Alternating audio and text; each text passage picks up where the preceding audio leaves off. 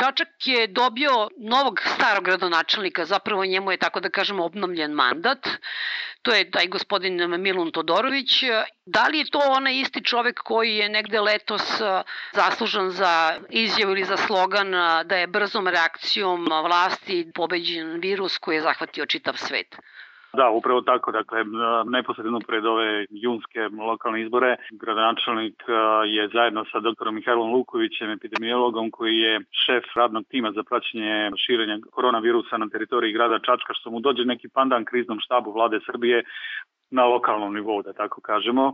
Oni su objavili u predizbornom pamfletu Srpske napredne stranke da su pobedili virus koji je napao ceo svet a da podsjetim u vreme pred izbore, dr. Mihajlo Luković je otišao na godišnji odmor i nije bio u Čačku, ali kada sam on vratio, od početka jula meseca imali smo naglo širenje i Čačak je tokom jula i avgusta i negde do polovine septembra meseca bio grad koji je obarao rekorde po broju obolelih, čak i po broju smrtnih slučajeva u to vreme, jer mi smo u jednom trenutku postavili pitanje čekajte gde mi to sada živimo. Imamo situaciju da u Čačku je preminulo po izveštaju tog radnog tima kojim dr. Luković rukovodi i u kome sedi i gradonačelnik Milun Todorović, da je Čačak imao dva smrtna slučaja, četiri smrtna slučaja, pet u prethodnih 24 sata, a da na teritoriji cele Srbije ima 7 ili 8 Tako da je taj procenat, kad uzmete te zvanično objavljene podatke, bio da u Čačku svakog dana imate 60-70% preminulih od covid u odnosu na celu Srbiju. Niti je bilo ko demantovao da ti podaci možda i nisu sasvim tačni. Tako da smo ostali u nerešivom rebusu koji je tada izdavao, da tako kažemo, netačne podatke, da li krizni štab i ministarstvo zdravlja u Beogradu ili radni tim u Čačku. Znači da kažem da Čačanska opšta bolnica pokriva teritoriju celog Moravičkog okruga, tako da tu se smeštaju i pacijenti koji dolaze sa teritorije Ivanjice, Dragačeva i Gornjeg Milanovca, pa onda podaci koji se izdaju možda i ne zvuče toliko alarmantni ako imate u obziru da je to podatak za ceo okruga, a ne samo za grad Čačka. Mi smo, kada je sve to počelo u martu mesecu, ukazali na situaciju da je problematična situacija u Zavodu za javno zdravlje Čačanskom. Lekari u Zavodu nisu imali nikakav kontakt sa bilo kojim pacijentom ili bilo kojim zaraženim građaninom, a pojavila se zaraza unutar samog Zavoda.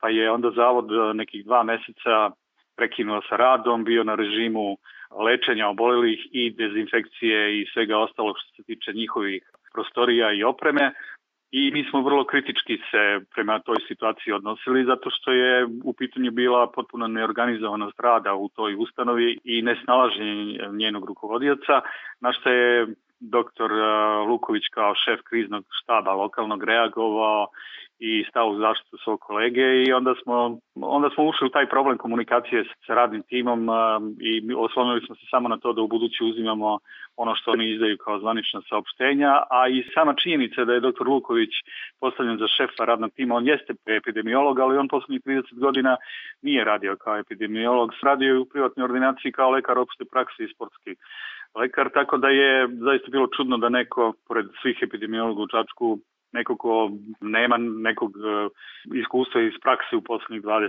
ili 30 godina rukovodi timom koji treba sada da sprovodi mere i da pomaže i domu zdravlja i gradskoj bolnici da rešava ovaj veliki problem koji postoji sa epidemijom. A kako je sada stanje u Čačku? Šta bi ti napomenuo kao najveći problem? Pa pre svega napomenuo bih problem a, toga što su po mom dubokom uverenju a to je i opšti utisak javnosti u gradu da je bolnica ostavljena da se sama stara o sebi. Sva odeljenja bolnička su pretvorena u COVID odeljenja, osim zgrade nove bolnice.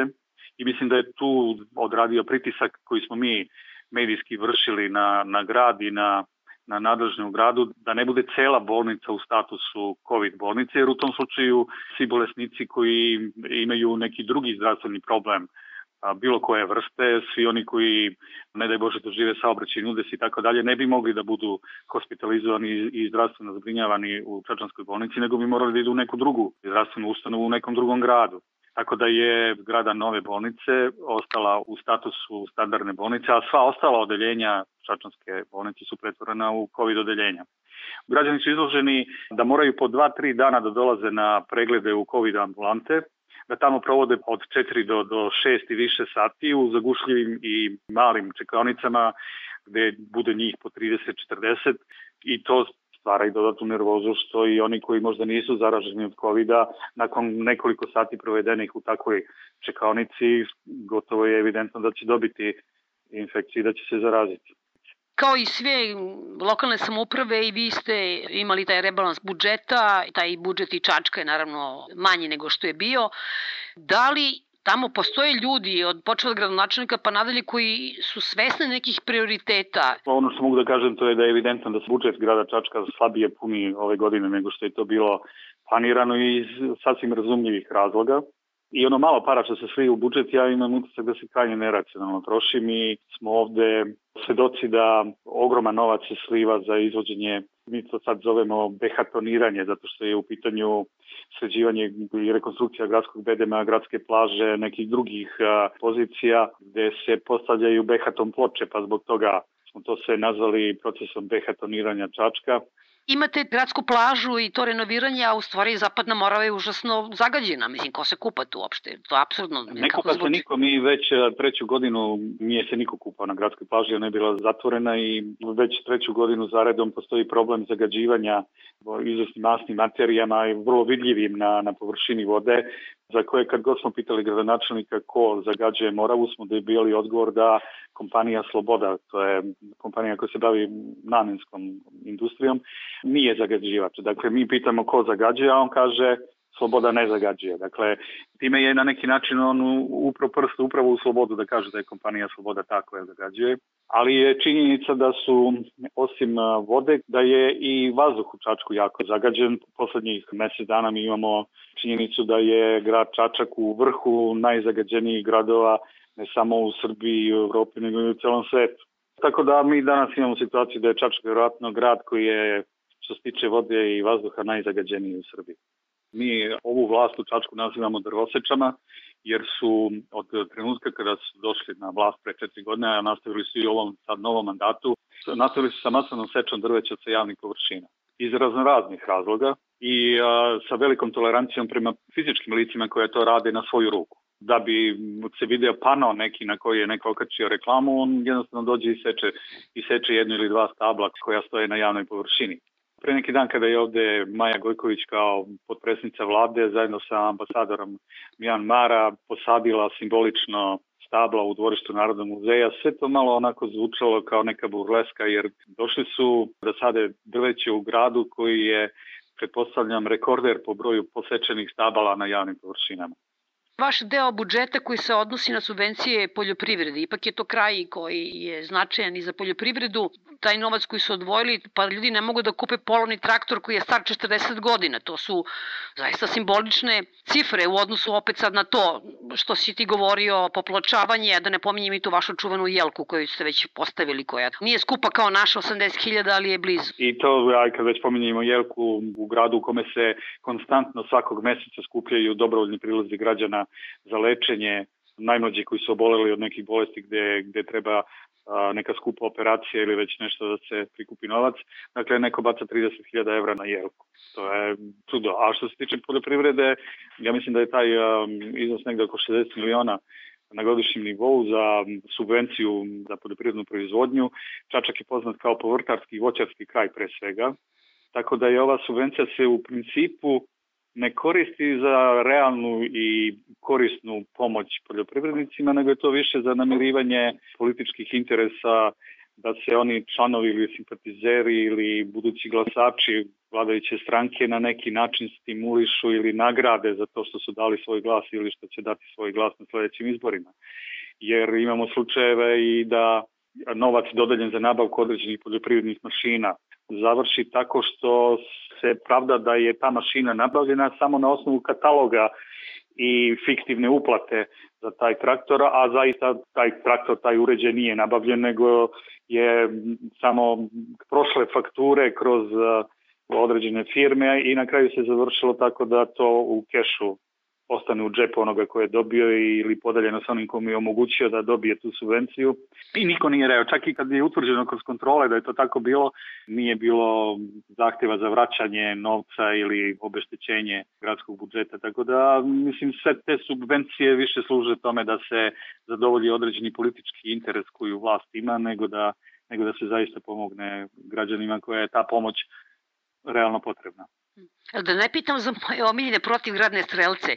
Vidim da su dobili skoro po 68.000 dinara kao neku vrstu nagrade. Vrlo je teško objasniti ljudima i vlasnicima voćnjaka veliki koji zaista imaju jednu ozbiljnu proizvodnju, kada im grad uništi te njihove useve, vrlo im je teško objasniti da protivgradna zaštita je jedna od najneefikasnijih načina da se zaštitiš od uh, grada da su protivgradne mreže u stvari daleko, daleko efikasnije i da u principu ovaj novac koji se izdvaja za protivgradne strelce treba usmeriti recimo na sistem dinar na dinar. Znači onoliko koliko poljoprivredni proizvođač uloži u kupovinu protivgradne mreže da toliko dobije subvenciju od grada i da bude potpuno zaštićen. Ovako mi imamo situaciju da Imate sistem gde su protivgradni strelci ljudi koji sedi u kafani, a žena ide, supruga njegova ide da ispali raketu, a sada zamislite kolika to preciznost mora da bude da kad sa one primitivne rampe se ispali protivgradna raketa, da pogodi gore oblak na visini od 2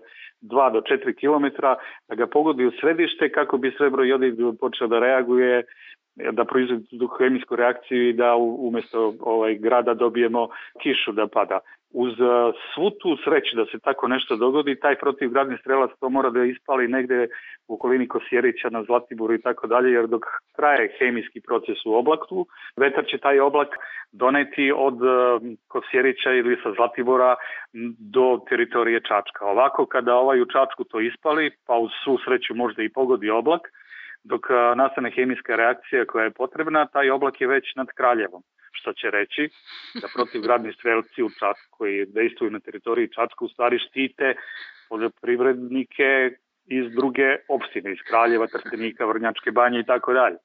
Izvini, molim te, smejem se zato što potpuno nadralno zvuči. Čudno je moje što sam te pitala i ti što mi odgovaraš. Pa to je činjenica, dakle, ja sam jedne prilike imao prilično neprijatan razgovor pre izvesnog broja godina sa grupom proizvođača voćara i u rukama su držali uništene plodove i onda se vidi koliko ih je grad e, tukao i, i uništio te plodove. I onda e, reč po reč, e, ja njima pričam ovo što sam ti malo pre rekao, a oni tvrde suprotno. I onda mi jedan od tih kaže, ma šta ti nama, ti si novinar, šta ti razumeš u voćarstvu, šta ti nama to pričaš? I on mu kaže, znaš šta, prijatelju, pravo si. A to koliko se ti razumeš u to čime se baviš, to ja vidim po tome što držiš u ruci. A grad mora da investira, dakle, da se mane ovog bacanja para za protivgradne strelce i rakete i da taj novac da, da pomogne ljudima koji se bave zaista ozbiljnom, ozbiljnom povrtarskom ili voćarskom proizvodnjom.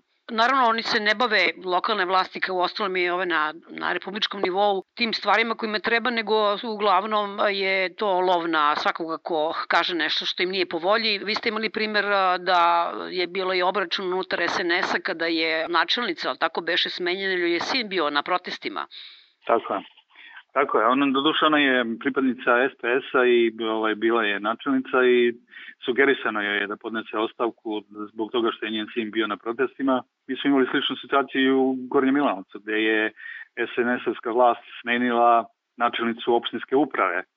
Ona je otišla u Arilje i tamo je dobila priliku da radi i dobila je posle godinu ili dve dana zvanje najbolje načelnice opštinske uprave u Srbiji. Ta politička netrpeljivost ili stranačka netrpeljivost unutar SNS-a to je nešto što u Čačku postoji od kad je SNS i nastao. Trenutna je situacija da aktualni gradonačelnik je i član predsedništva SNS-a i glavnog odbora i, i čini se kao da drži što bi se rekla stranačke dizgine u svojim rukama, ali to je nešto što se samo čini jer imamo narodnog poslanika iz SNS-a koji je davao, mi smo dobili dojave i dokumentovane gde on daje naloge stranačkim botovima da napadaju gradonačelnika. I to je nešto što je, kako da kaže, postalo neka potpuno prirodna stvar u Čačku i to da postoje dve struje, nekad čak i tri struje unutar SNS-a, nešto je što razdire funkcionisanje gradske uprave. Mi imamo situaciju da imamo enormni broj novozaposlenih po javnim preduzećima gradskim i u gradskoj upravi na raznim pozicijama. Obično su u pitanju hm, ako mogu tako da kažem, ljubavne varijante. Iako mogu na kraju samo da ti kažem, Kako mi smo pre neki dan imali sednicu gradske skupštine na kojoj je doneta odluka o ovogodišnjim dobitnicima decembarske nagrade grada Čačka. Decembarska nagrada je naj, najveća nagrada koju grad dodeljuje. Ove godine decembarsku nagradu u Čačku dobije Sportski centar Mladost, na koju pada osnov sumnje, što bi rekli ovi iz pravosuđa, da je to ustanova preko koje određeni izvesni finansijska sredstva grada se pretaču iz uh, gradskog budžeta u stranačku kasu. Ali je problem što je dobitnik i nagrade i glavna sestra u gradskoj bolnici. Nije problem što je jedan zdravstveni radnik dobio tu nagradu. Je problem što nije gradska bolnica, nije dom zdravlja dobitnik, nego je dobitnik pojedinac. Znači, vlad se opredelila da jednog pojedinca izdvoji među svim stotinama medicinskih radnika u Čačku, čime ovaj, pravi neprijatnu situaciju, prepostavljam i samoj dobitnici, a verovatno i svim ostalim medicinskim radnicima u gradu podiže pritisak u negativnom smislu. Inače, svi ovi milioni koji idu za behatoniranje Čačka, daleko bi korisnije bilo da su dati kao pomoć gradskoj bolnici, u kojoj se zaista bije, bije teška bitka i ja zaista ne znam dokad, dokad će ova priča ovako trajati u Srbiji, ali se nadam da ćemo ako jednom u budućnosti bliskoj doživimo ponovo 5. oktobar, imati priliku da vidimo i 6. oktobar.